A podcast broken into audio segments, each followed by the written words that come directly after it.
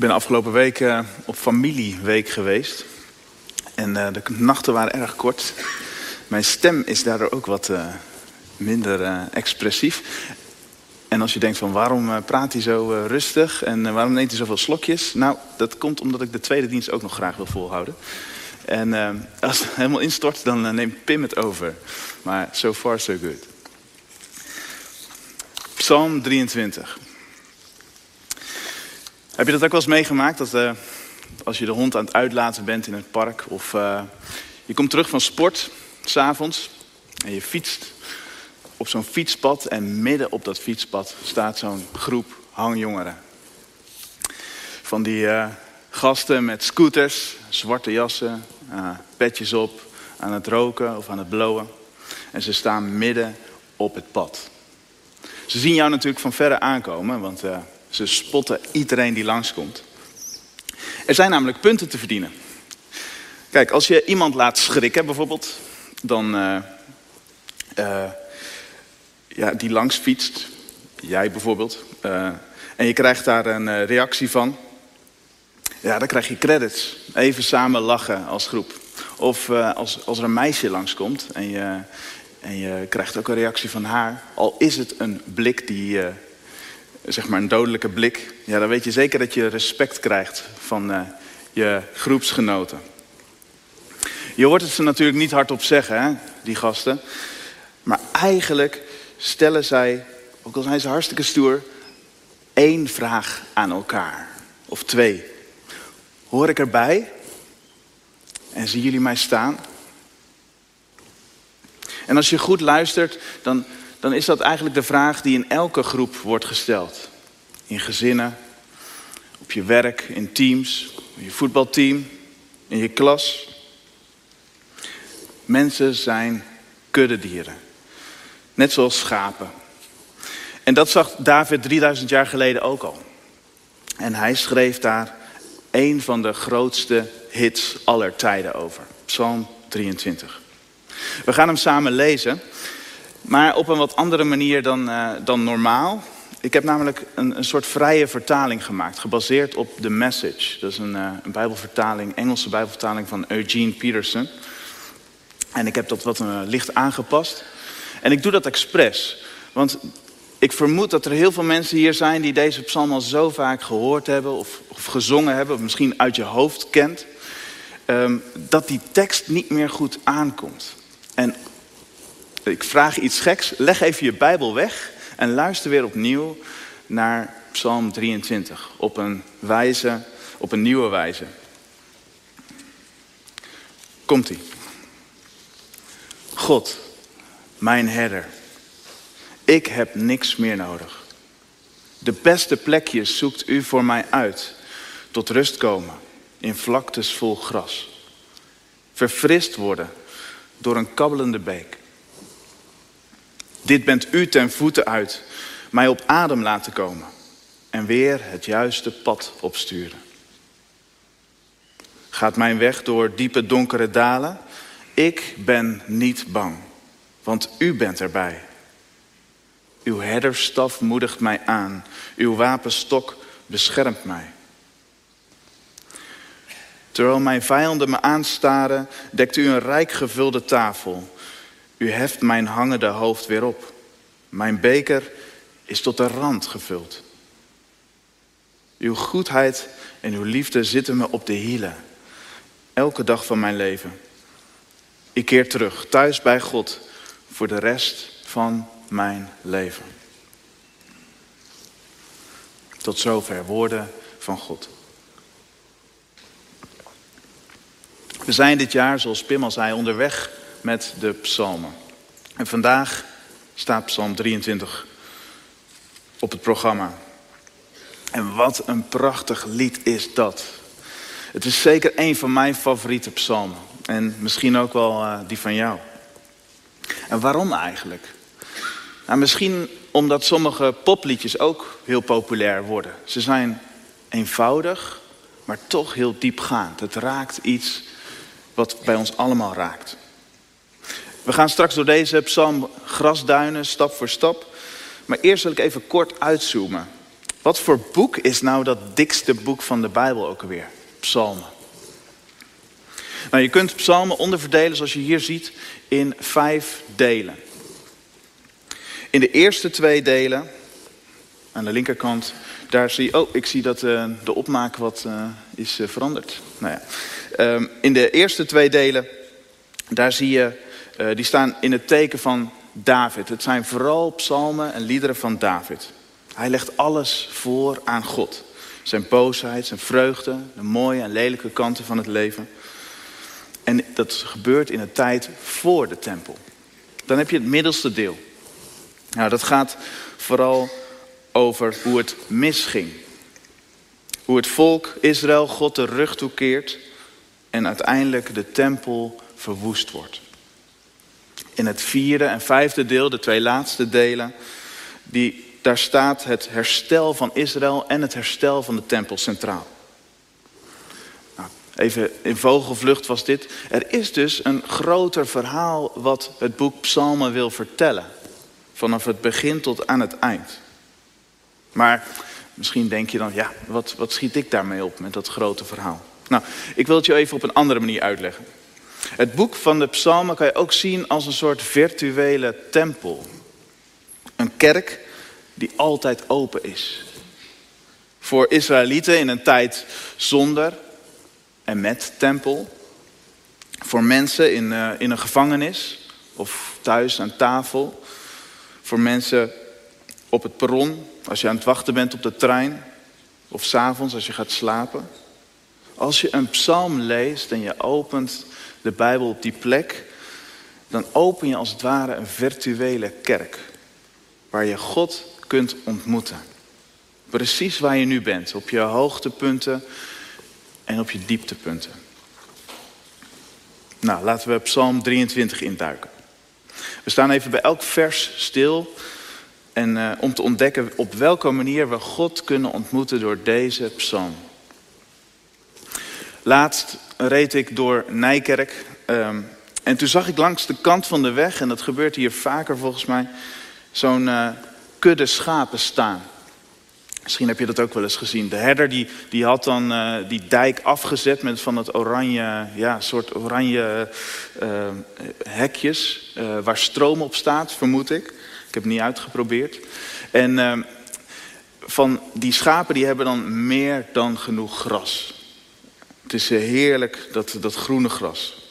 Ze hebben geen herder nodig. Die herder is waarschijnlijk al lang weg. En die schapen die lopen daar rond. Nou, uitgestrekte grasvelden. Groen, felgroen gras. Ja, dat beeld komt bij mij op als ik Psalm 23 lees. Een beetje zoals hier op deze foto je dat kan zien. Nou, hoe heerlijk is het dat God voor ons zorgt. Hier kunnen we naar hartelust eten. Meer dan genoeg. Zie je het voor je?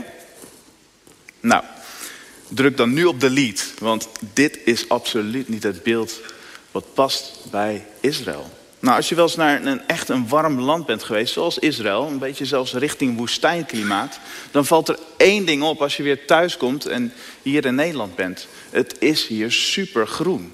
Het gras is hier groen. De bomen zijn hier groen. In Israël, in, in, landen in die streek, is gras bijna nooit groen. Het is daar vaak een beetje, een beetje bruinig, gelig. Het is daar veel te droog. En op de plekken waar je mooi groen gras zou kunnen laten groeien, ja, dan gaan ze geen gras laten groeien, maar dan gewoon graan, dingen die je gelijk kan eten. Die schapen en hun herders, die gaan de bergen in. Die gaan juist naar de plekken waar het onbewoond is. Om daar op zoek te gaan naar gras. Kijk, je moet je dus dit voorstellen. Dit bedoelt David met de, het beeld. Dit is het beeld wat hij voor ogen heeft. Dit is de manier waarop hij herder is geweest. En je krijgt het idee als je dit ziet, dat die schapen in Israël vooral stenen en distels eten. Maar dat is natuurlijk niet zo. Ze eten net als die Nijkerkse schapen gras. Maar dan op een andere manier. Kijk, en anders dan in Nijkerk hebben de schapen in Israël wel degelijk een herder nodig. Die ze naar de goede plekjes brengt. En dat werkt ongeveer zo. Je hebt in Israël bepaalde heuvels. Die kouder zijn door hoe ze staan dan anderen. En juist op die heuvels, daar blijft ochtends het dauw wat langer hangen. Dat dauw dat, dat komt dan op stenen terecht, zijpelt naar beneden. En op die plek waar die druppeltjes in de grond komen, daar schieten kleine sprieten gras omhoog. Nou, en de schapen, die zetten dus steeds een paar stappen, nemen wat van die sprieten en, zetten, en, en doen weer een paar stappen, nemen weer een hap.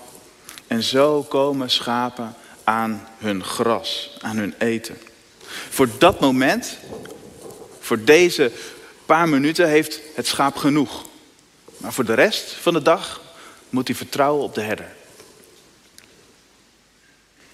En dat is hoe David God heeft leren kennen. God geeft altijd genoeg voor dit moment. Hij zorgt voor ons zoals een herder dat voor zijn schapen doet. Hij zet ons niet af op een, Nijkerkse dijk en vertrekt dan weer. Nee, hij, hij leidt ons stap voor stap door het echte leven.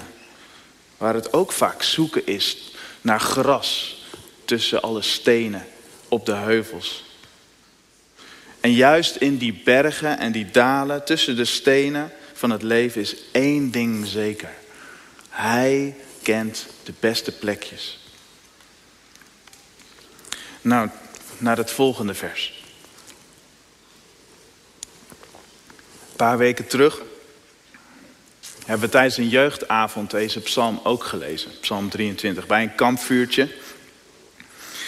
En ik vroeg aan de tieners van welk beeld van mensen, van ons als schapen, geeft deze psalm ons. En een van de tieners die zei scherp dat wij kuddedieren zijn. We lopen achter elkaar aan. Als de een de nieuwste telefoon heeft, wil de ander dat ook. Wij luisteren hier veel naar muziek die populair is in eh, Amerika. Enzovoort. Er zijn allerlei dingen waarop we vooral kijken naar wat de rest doet. En of we het nu leuk vinden of niet, we hebben allemaal de neiging om de groep te volgen. Misschien op een paar bijzondere schapen na dan. En als we met David dat eerlijk onder ogen zien, ja, dan kun je jezelf twee vragen stellen. Achter welke kudde loop, je, loop jij aan? En wie is daar de herder van? Ik kan de vragen ook anders stellen. Misschien komt het dan wel dichterbij. Wie zijn je vrienden en wat vinden zij belangrijk? Een bekend gezegde luidt: Zeg me wie je vrienden zijn en ik vertel je wie jij bent. David heeft ontdekt dat die kudde van de goede herder, dat je die kunt herkennen aan twee dingen. Twee dingen zijn eigenlijk typisch voor, voor de kudde waar God de leider van is. Voor Gods leiderschapsstijl, zo gezegd. Eén, hij laat je op adem komen. En twee, hij stuurt je weer op het juiste pad. In onze slaapkamer daar hangt een eh, poster van een glas in loodraam wat in Taizé hangt, waar ik wel eens ben geweest. En dit is, uh, zoals je kan zien, Isaac, Ehm, en die twee handen achter hem, dat zijn de handen van zijn vader, Abraham. En die twee handen die maken, naar mijn idee, precies duidelijk hoe God met ons omgaat. Hoe God met zijn kudde omgaat. De linkerhand houden wij vast. Die geeft rust. Die geeft veiligheid. Op adem komen. En de rechterhand die geeft ons een zet. En zet je de wereld in, in onze rug. Ga maar op weg. Probeer het maar, wees niet bang. Hij stuurt ons op het juiste pad. Die rechter en die linkerhand van God. Dat is typisch Gods leiderschapstijl.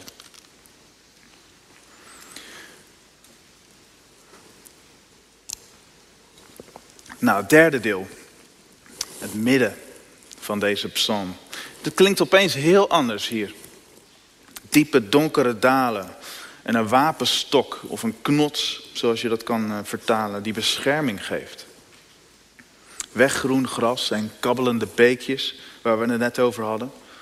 Het pad van God is niet altijd een fijn pad. En dat heeft David zelf ook gevoeld. Kijk, daar begint het. Even een slokje. Pim die wordt al een beetje zenuwachtig, zie je. Nou, David die zou zelf koning worden. Hij is gezalfd door de profeet Samuel. Hij versloeg Goliath. Hij was de held. Iedereen uh, die vond hem geweldig. Maar wat gebeurt er dan? Hij wordt door Saul achterna gezeten. En hij moet gaan vluchten. Hij wordt zelfs vluchteling in een vreemd land. Over een paar dagen dan begint het Eurosong Festival. En er zullen vast sommigen van jullie zijn die dat super tof vinden. Anderen denken van, oh, Eurovisie Songfestival, ik laat het aan me voorbij gaan. Maar er is iemand weer die ons land vertegenwoordigt. Dat is uh, deze dame, Stien heet ze. En zij heeft het liedje Diepte geschreven. En zelf zegt ze over dit lied... Het is een ode aan het verdriet en de herinneringen die je met je meedraagt. Het is een mooi en intens lied. Het is echt een moeite waard om het te luisteren. En het gaat echt over die diepe, donkere dalen. En wat, wat misschien wel het allermoeilijkste is als ik erover nadenk, van, van die momenten in ons leven, is niet zozeer dat diepe, donkere dal zelf. Niet zozeer het, misschien niet zozeer het lijden, de pijn van een ziekte is het allermoeilijkst. Niet zozeer het verdriet van het gepest worden. Of de pijn van een gebroken relatie. Of de diepe angst waarmee je rondloopt. Of het worstelen met de verslaving. Het allermoeilijkste is de eenzaamheid die daarbij hoort. Die diepe, donkere dalen waar ons leven doorheen kan gaan, die kunnen een soort echokamer worden van die eeuwenoude aanklacht van de vijand. Niemand begrijpt jou. Niemand weet hoe je je voelt. Ook God niet. Je staat er alleen voor en dat is je eigen schuld. In het refrein, de kern van het lied van uh, deze dame van Stien, zingt ze iets hoopvols. Hier in de diepte hoor ik steeds weer, maar weer je naam. De kern van een psalm is vaak niet een refrein, maar is het midden. Dat is waar de tekst vaak om draait. En in Psalm 23 staat dit precies in het midden. Hier draait het om. Want u bent erbij. Een schaapje uit de kudde van een goede herder, die weet één ding zeker. Waar die ook is, u bent erbij. Voel je dat altijd zo? Nee. Is dat altijd duidelijk? Nee. Maar vraag het maar aan de oudere schapen in deze kudde. Mensen met ervaring, die vaker door die diepe donkere dalen zijn gegaan. Zij weten dat wat David zingt klopt. U bent erbij.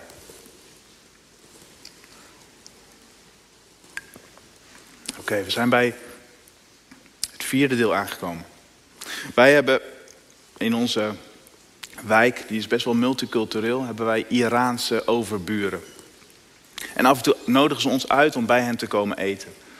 Onze kinderen die vinden de rijst, hoe zij die klaarmaken, dat kunnen wij niet. Die vinden ze heerlijk. En dus uh, vinden ze het altijd een feest om daar naartoe te gaan. We hebben ontdekt aan, aan hen en door hen dat, dat eten echt de manier is om contact te leggen. Voor Iraanse mensen. En ik denk dat dat geldt voor het hele Midden-Oosten. Soms bellen ze midden op de dag aan, onaangekondigd. En dan hebben ze een tasje met eten. En dan zeggen ze, hier alsjeblieft, lekker eten. En dan uh, hadden we al iets bedacht voor de avond. Dus uh, ons Nederlandse hoofd uh, raakt een beetje op tilt. Maar daar passen we dan wel weer een mouw aan. In ieder geval is het zo dat die maaltijd is dé plek om elkaar te ontmoeten. Voor hen. En in die, in die Oosterse cultuur. Het is dé plek waarin je elkaar in de ogen kijkt en, en zegt, wij horen bij elkaar. Wij zijn familie, we zijn vrienden. Terwijl de vijanden hem achterna zitten en David nog niet bekomen is van dat diepe donkere dal, dekt God voor hem een rijk gevulde tafel. Er is meer dan genoeg. God maakt duidelijk, wij horen bij elkaar. De Franse monnik Laurentius uit de 17e eeuw, die schreef in een boekje wat de aanwezigheid van God heeft, een aanrader, een heel dun klein boekje, over zo'n rijk gevulde tafel. Iedere keer wanneer hij bidt, gebruikt hij zijn voorstellingsvermogen. Hij stelt zichzelf voor als een vieze, arme bedelaar met lege handen, die voorzichtig een groot paleis binnenkomt. En zodra God hem ziet, rent hij op hem af, omhelst hem en neemt hem mee naar die tafel die zo rijk gedekt is. Het staat vol met heerlijk eten en drinken, veel meer dan genoeg. En dit krachtige beeld van een tafel waar je door God wordt uitgenodigd, is door Jezus nog eens onderstreept door het avondmaal. Misschien moet je dat eens proberen, om net als Laurentius, die monnik, ook eens voor te stellen tijdens het bidden hoe je als arme bedelaar met lege handen bij God aankomt. Hoe God je uitnodigt dan om aan zijn tafel te komen. Het kan helpen om die ervaring die David heeft en hier beschrijft in het lied, om dat dieper tot je door te laten dringen. Namelijk dat God er is, je uitnodigt. Ook in die diepe donkere dalen. Ook op die plek waar de vijand je aanstaart, waar het kwaad je in de ogen kijkt. Waar je je hoofd misschien het liefst laat hangen. Op die plek. We sluiten af met het laatste vers. Hier wordt David helemaal lyrisch. Niets is beter dan, dan horen bij die kudde van God. Met hem als herder. Het is, het is als thuiskomen na lang verdwaald te zijn. Een leven lang achtervolgd worden door goedheid, door liefde. Wat is er nou beter dan dat? Het kan best dat dit lied van David je weer aanvuurt om God te volgen. Om door hem weer naar die beste plekjes geleid te worden. Of door die diepe donkere dalen waar je misschien doorheen gaat te beseffen dat hij erbij is. Maar het kan ook zijn dat je je schouders een beetje ophaalt. En denkt, ja leuk voor David, dit lied, maar ik weet het allemaal zo zeker nog niet. Hoe dat voor mij zit. Er kunnen allerlei redenen zijn waarom je het lastig vindt. Om God als jouw herder te zien en hem te volgen. Misschien had je meer groen gras verwacht in je leven. Terwijl het er een beetje kaal uitziet. Misschien had je gedacht dat de rest van deze kudde zich wat beter zou gedragen. Misschien kan je je niet voorstellen dat God een goede herder is wanneer je leven door een diep en donker dal gaat. Wat David dan doet lijkt een beetje op dansen terwijl jij aan de zijkant staat en alleen maar toekijkt. Als dat zo is voor jou, dan, dan is deze psalm een uitnodiging. Een uitdaging van God voor jou om te ontdekken wat David ontdekte. Ik heb een uh, plaatje, een foto meegenomen van de, de, man die hier vorige week stond. Oh, ik, ik, wilde het eigenlijk vragen, maar nu verklap ik het zelf al. Als je goed kijkt, dan zie je dat hij uh, samen met zijn dochter een tattoo op zijn arm heeft. Als God zich namelijk voor het eerst aan Mozes bekend maakt, dan noemt hij zichzelf, wat hier op hun arm staat, JHWH, Yahweh. En dat wordt vaak vertaald met ik ben die ik ben. Maar je zou dit woord, dit hele belangrijke woord in, in het Jodendom en het Christendom kunnen, ook kunnen vertalen met ik ben die ik zal blijken te zijn als je met mij wandelt. Dus nog een keer, ik ben die ik zal blijken te zijn als je met mij wandelt of op weg gaat. De naam van God zelf is een uitnodiging om met Hem op weg te gaan. Om die dansvloer op te komen. En om te ontdekken wie Hij werkelijk is. Je kunt God niet leren kennen van een afstand. Net zoals je een vriend of een vriendin ook niet kan leren kennen op een afstand. Je zult op een gegeven moment een stap moeten zetten in vertrouwen, in geloof. En daar hoort het hele leven bij. Vlaktes vol van gras, kabbelende beekjes en die diepe donkere dalen. Alleen dan kun je ontdekken wat David ook ontdekte. En miljarden mensen met hem. Namelijk, God is erbij. Amen. Laten we samen bidden.